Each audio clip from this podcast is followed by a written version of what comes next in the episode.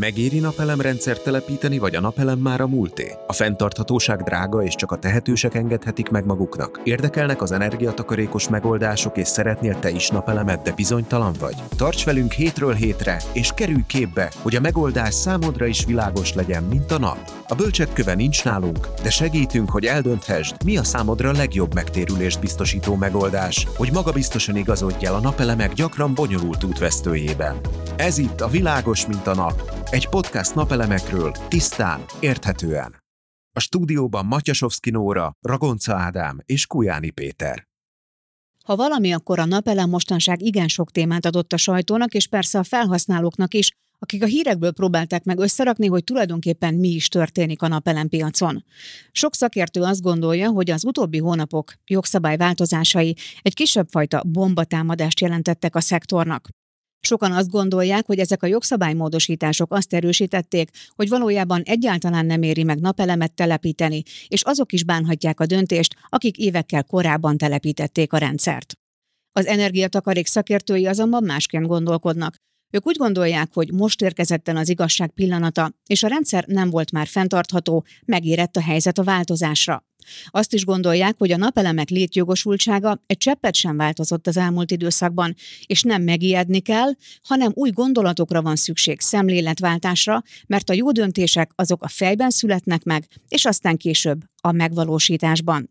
Ez itt a Világos Mint a Nap podcast, Matyasovszki Nóra vagyok. Sziasztok! Itt vagyunk a stúdióban Ragonc Ádámmal és Kujáni Péterrel, az Energiatakarék két szakértőjével tehát. Szervusz Nóra! Szervusz! És engedjétek meg, hogy itt a helyzet felvázolásához egy picit puskázzak is, mert számomra ez egy kicsit bonyolult, hogy tulajdonképpen mi történt itt most. A hírek azok arról szóltak, hogy 2022. október 31-ig lehetett a régi elszámolási rendszerben, azaz a szaldó elszámolásban még napelemet igényelni, és mindazok a felhasználók, akik utána adták be az igényeket, már csak saját felhasználásra termeltek, illetve azt is megtiltották, hogy ezek a napelemrendszerek kitápláljanak vagy betápláljanak a rendszerbe. A kitáplálás vagy a betáplálás a jó szó egyébként. Mind a kettő, Mind a kettő. jó.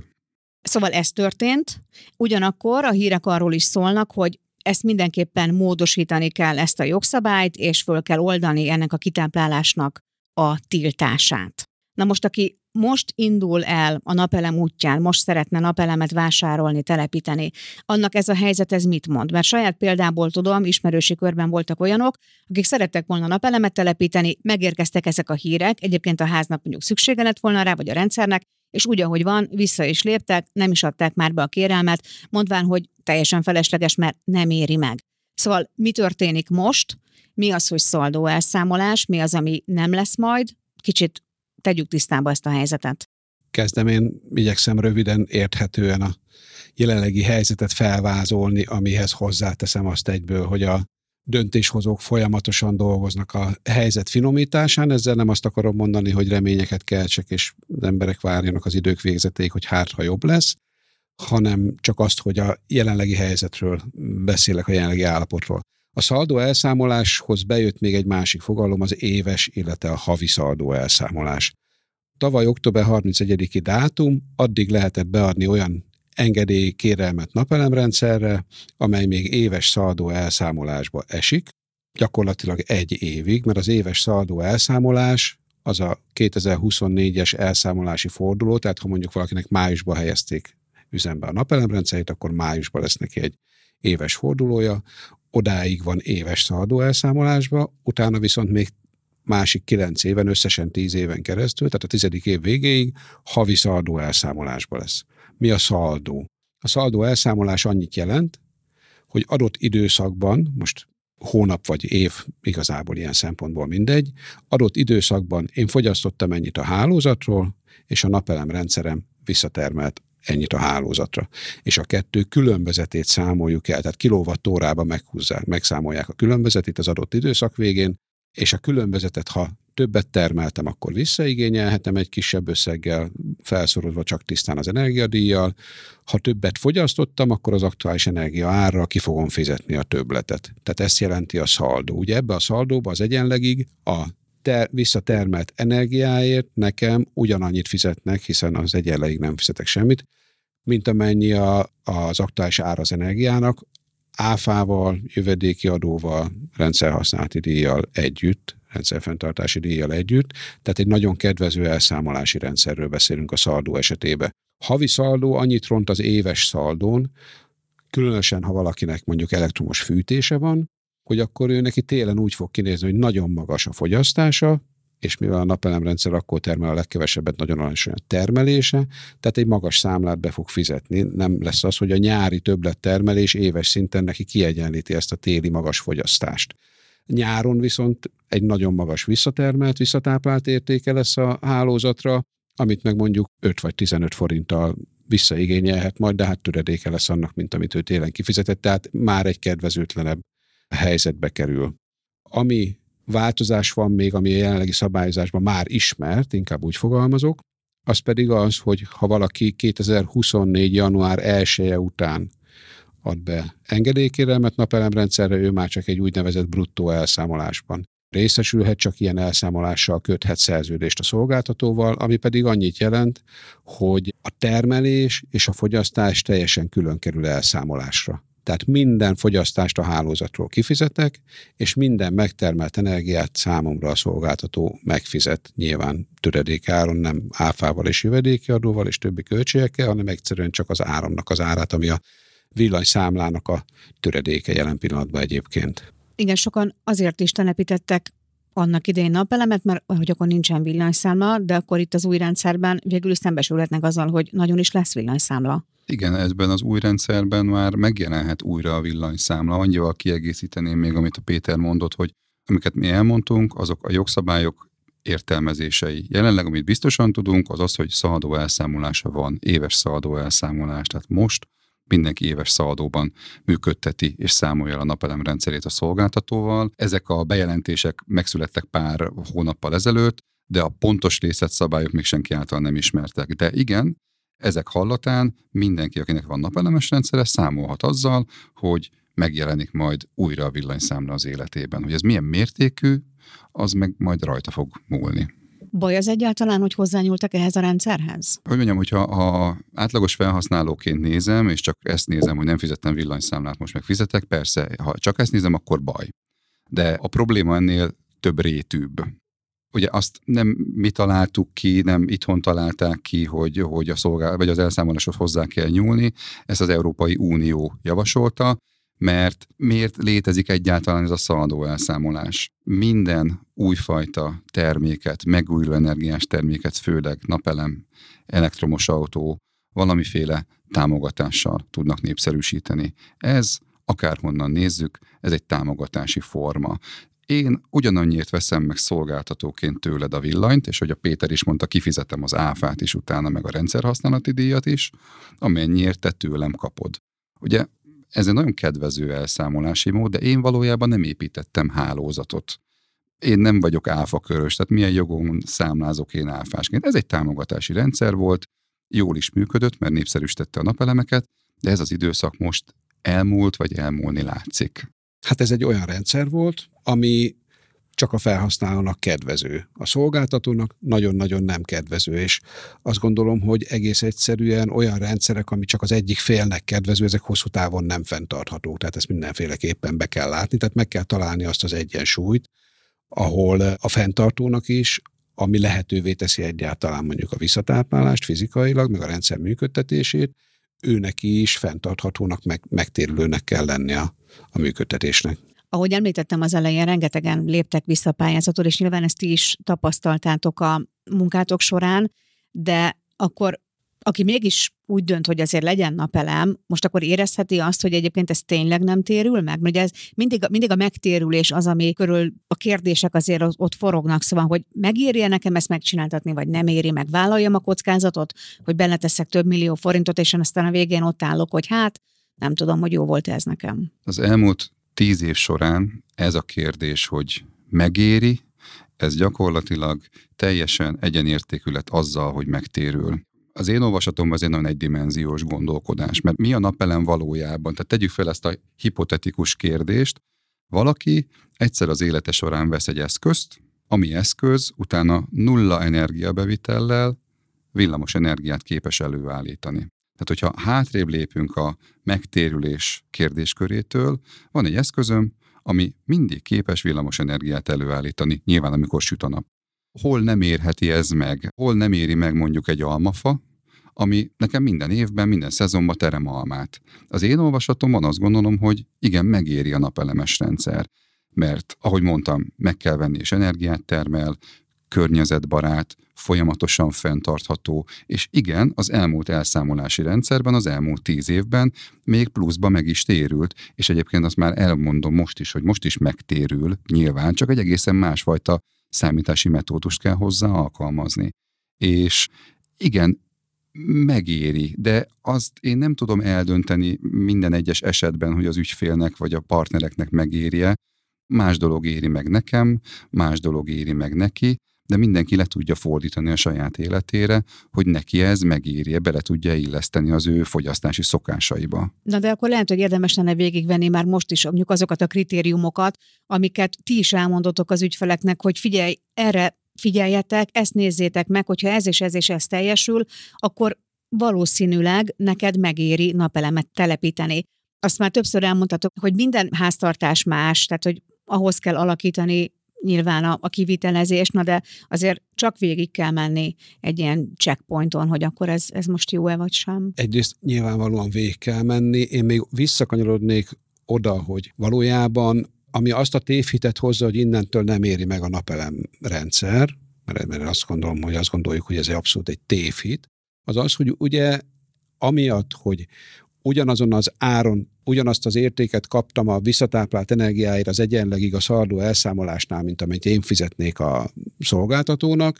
Emiatt a nagyon egyszerű számolási séma miatt egyetlen egy motiváció volt, akkor a napelemrendszer tegyek fel, ami megtermel annyi energiát, mint az én éves fogyasztásom, és minden más szempont mellékes volt. És például be sem került a köztudatba az a nagyon egyszerű tény, hogy az én napelemrendszerem, amikor termel, akkor az én háztartásom minden fogyasztását, amit csak elbír természetesen az adott termelési időszakban, mindent a napelemről közvetlenül fogyasztok. Tehát mondok egy nagyon egyszerű példát, nekem van egy ingatlanom, ami 6000 kWh fogyasztok benne egy évbe. Akkor fölteszek egy napelemrendszert, ami ugyanennyit termel meg. De az már teljesen elment az információba, nem került be a köztudatba, hogy onnantól kezdve a villanyszámlámon nem 6000 van fogyasztásba és 6000 van termelésbe, hanem mondjuk 4000 vagy 3500 van fogyasztásba, és 3500 van termelésbe, mert a másik két és fél ezer kilowattot azt én napközben felhasználom a napelemről. Tehát nem a hálózatról vételezem, emiatt lett a fogyasztásom 6000-ről 3500, és nem tudom a 6000 kWh napelem termelésemet a hálózatba visszaadni, mert elhasználok belőle 2500 kWh, tehát mindkét szám jelentős mértékben lecsökkent, és ez az önfogyasztással csökken le, amit én napközben felhasználok. Kis túlzással mondhatom, hogy az ingyen energiával, mert amit a napelemről, tehát a napközben fogyasztok, azt én ingyen, ingyen fogyasztom.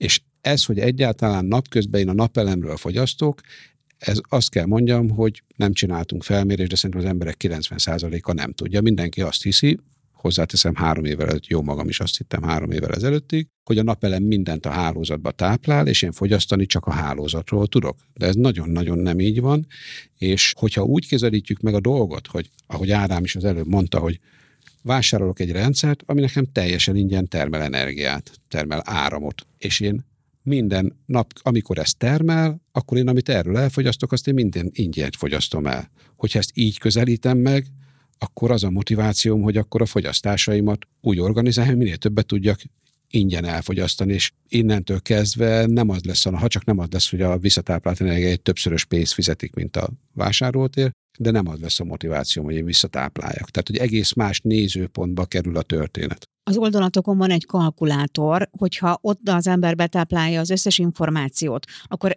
megkapja azt, hogy milyen méretű napelemet telepíthet? Megkapja egyrészt, másrészt meg látja azt, hogy neki a termelés és a fogyasztása hogyan viszonyul egymáshoz.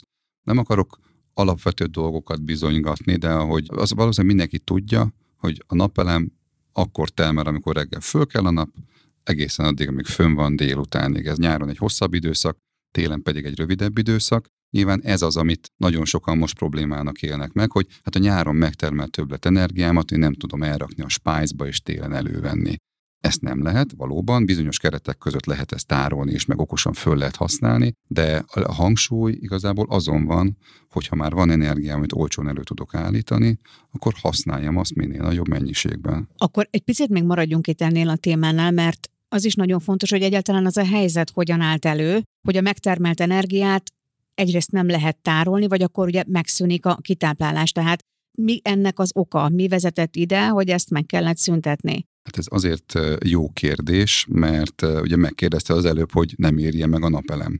Hát pont, hogy megéri, mert az utóbbi időszakban olyan mértékű igény ment be a szolgáltatókhoz, sokkal népszerűbb lett a napelem, mint volt az elmúlt tíz év alatt, hogy egész egyszerűen a szolgáltatók, az áramhálózat nem bírt lépést tartani a fejlődés dinamikájával. És arról is beszélhetünk, hogy mi vezetett ide, mert Magyarországon nyilván a lakosságnak szánt támogatási rendszerek, azok már eleve népszerűbbé tették a napelemet, mint korábban, ki ne örülne ingyen pénznek, vagy a pénznek, pénzének a felének, de nem csak erről volt szó, mert a legnagyobb boomot az okozta, amikor a villamos energia ára ténylegesen elszállt, és a lakosság is kapott egy ízelítőt abból, ami a vállalkozásoknak már évek óta a sajátja, hogy piaci áron, vagy legalábbis ahhoz közelebb kell megvenni a villamos energiát és augusztusban egy hatalmas robbanás volt az érdeklődésekben, mert mindenki attól félt, hogy most drága lesz a villany. A napelem meg erre ugye kínál egy megoldást. És amit nem tudunk se a Péter se én, hogy mondjuk mennyi lesz a villamos energia ára 2024-ben, 2034-ben, 2050-ben, amikor a most telepített napelemes rendszerre még mindig képes termelni, de nem látok előre. Én most csak azt tudom, hogy 37 forint 56 fillér, nagyságrendileg, és ezzel ugye elmúlt tíz évben mindenki komfortosan volt, de azért most már tapasztaltuk azt, hogy ez megváltozhat egyik pillanatról a másikra. Tehát akkor ez olyasmi, mint egy, egy könyv, amit mondjuk 40 évvel ezelőtt megvettünk 10 forintért, ma ugyanazt a könyvet 4000 forintért vesszük meg, és ma már nincs értelme visszaosztani, meg visszaszámolni, hogy ez a mai 4000 forintos könyv, ez mennyivel rosszabb áron elérhető, mint annak idején 10 forintért. Szóval a végén ott van egy könyv, ami nekem 10 forintba került, vagy a családomnak, ma meg már 4000 forintba kerül. Szóval valahogy muszáj leképezni tényleg az embernek szerintem egy olyan kézzelfogható példává ezt az egész rendszert, hogy mindenki megértse és mindenki átlássa, hogy akkor tényleg a végén tudjon vonni egy mérleget, hogy igen, ez megéri nekem. Ha így tekintek rá, valószínűleg egy szemléletváltásra is szükség van. Mindenképpen szükség van, és a, akár könyvet mondasz, akár gombóc vagy itt mondjuk a régmúltból, minden drágább lett, de nem is kell olyan régre visszamenni mert itt volt az elmúlt fél évben a hatósági üzemanyagár. A hatósági üzemanyagár korszakában több benzin, több gázolaj fogyott, mint korábban bármikor. Marha statisztikánkat lehetett előlátni a tévében. És hirtelen egyik napról a másikra bejelentették, hogy mostantól piaci áron kell vásárolni. Mi volt az első? Sok. Első reakció. Hát 480 forintról 720 forintra katapultálni egy liter üzemanyagot, az mindenkinek sokkoló.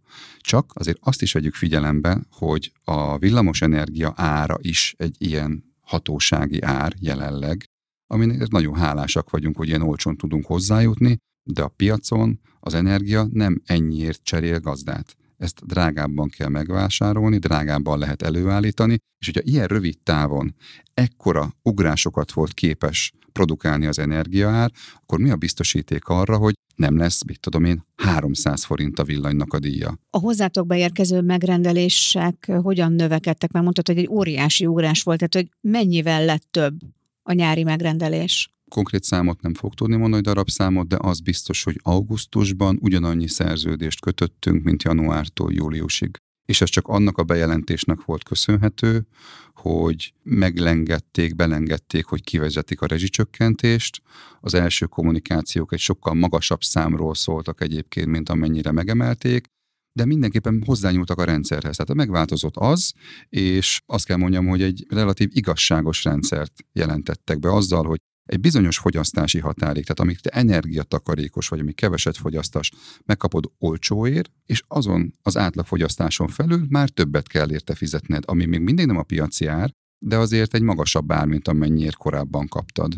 Annyit tennék hozzá, hogy ugye mindenki látja, hallja, érzi, tapasztalja, hogy nem is csak az, hogy itt a mi szabályozóinknak a megítéléstől függően a döntésétől, hanem gyakorlatilag nem is csak uniós, hanem sokkal nagyobb szinten történő események, mozgások nagyon gyorsan pillanatokat befolyásolják az országnak az energiaellátását, nem hogy az én kis háztartásomét, az én kis mikrokörnyezetémét, illetőleg ennek a költségeit. Tehát sokkal inkább, sokkal nagyobb realitást lát az ember tájékozódva egy kicsit a világba arra, hogy mondjuk ez a rezsistopp is egyre nehezebben lesz fenntartható, mint ahogy részben már ugye kivezetésre került, de hogy ennek mi a jövője, ez ugye nem okvetlenül pozitívan gondolkodik benne az ember. És hogyha most ehhez hozzáteszem azt, hogy egyébként mondjuk nekem lehetne egy olyan rendszerem, hogy vásárolok egy eszközt, amivel én termelek magamnak energiát, és az nekem Nyilván investáltam bele, elköltöttem rá pénzt, megtakarítást, hitelt, bármit,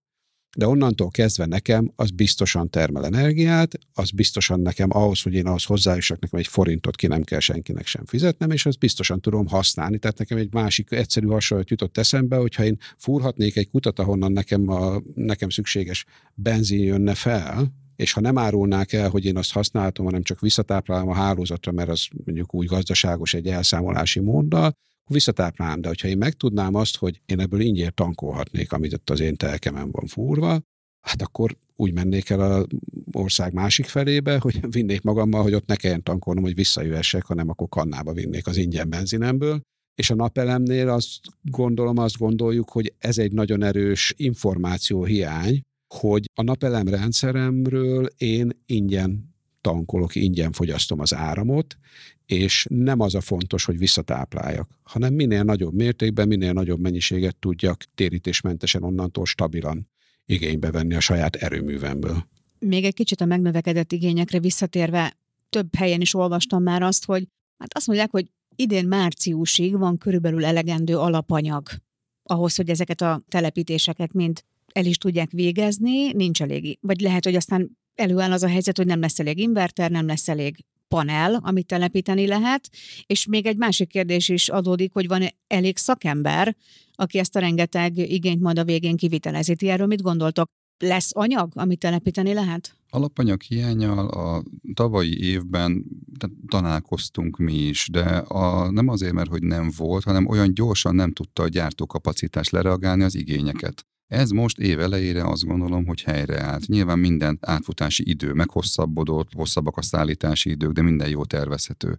Az, hogy ne lenne alapanyag, én azt gondolom, hogy az nem egy, az nem egy valós kockázat.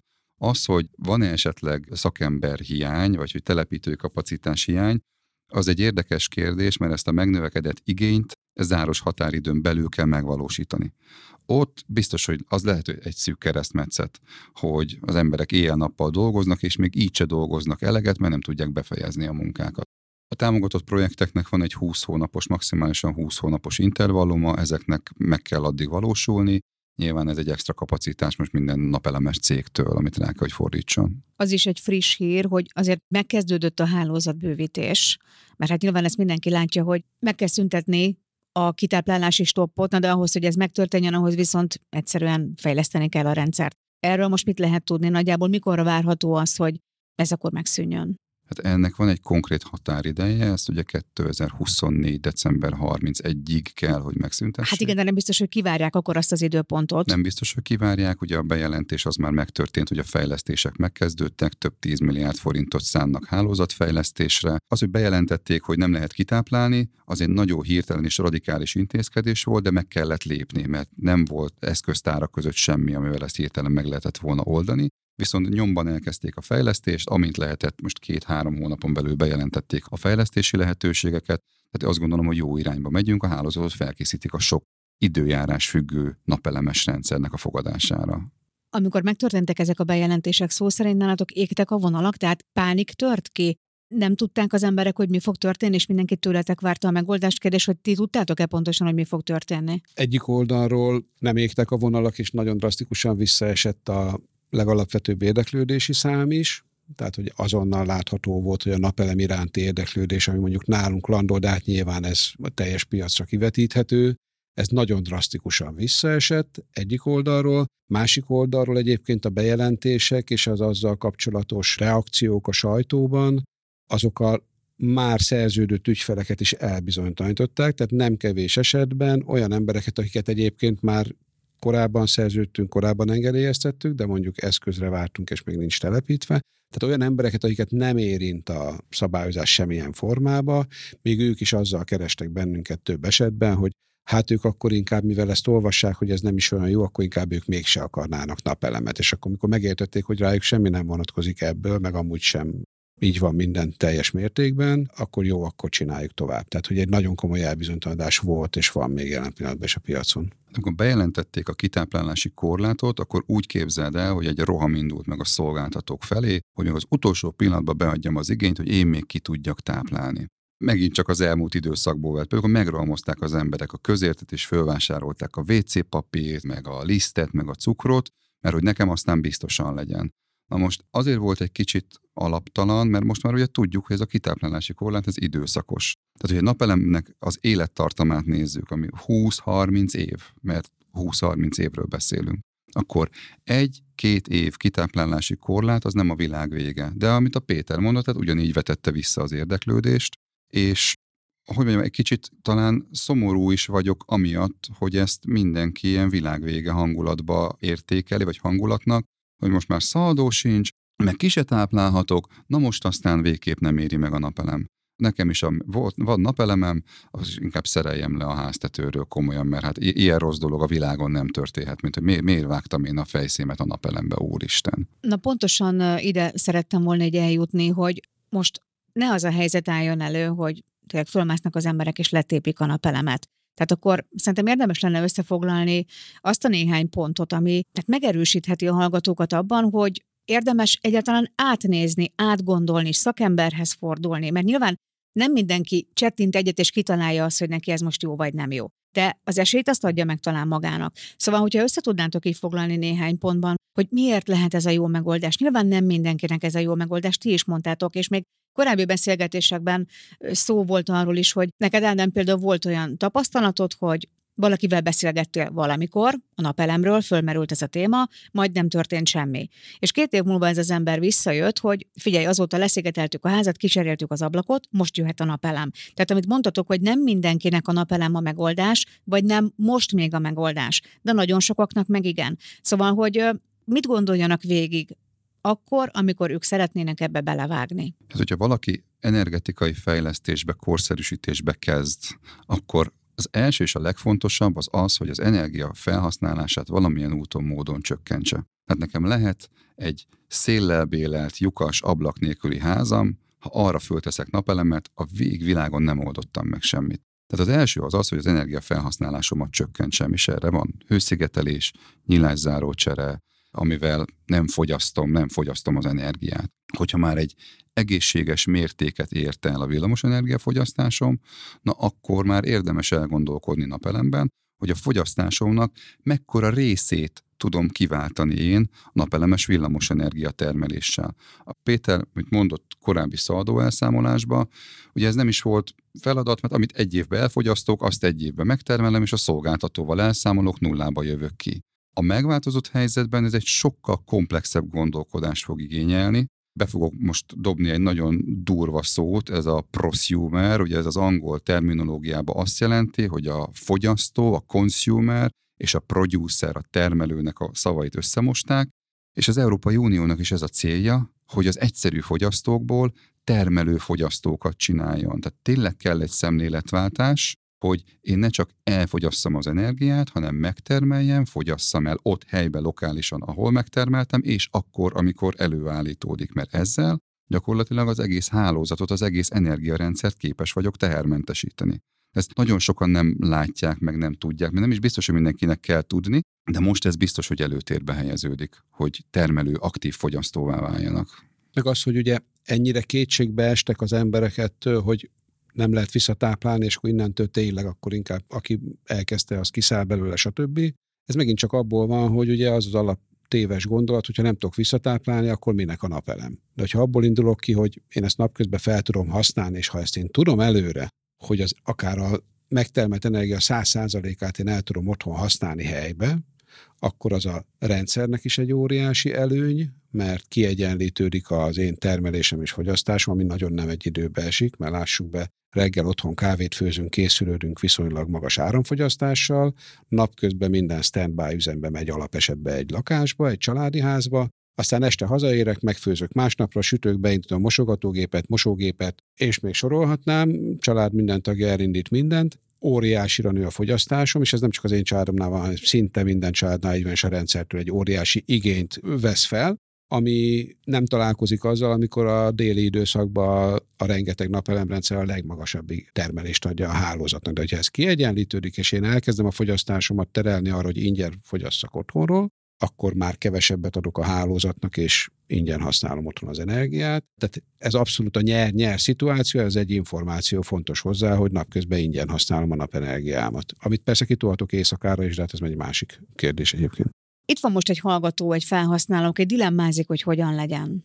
Mi lesz az az egy mondat, vagy egy gondolat inkább, amelyik őt el tudja indítani, hogy hogyan döntsön? Talán azon érdemes elgondolkodni, hogy a korábbi szaldó elszámolásos, megtérülés számításos metodikától elvonatkoztatva azt kéne figyelembe venni, hogy valaki mai árakon megvesz egy napelemes rendszert. Ennek az ára számítható.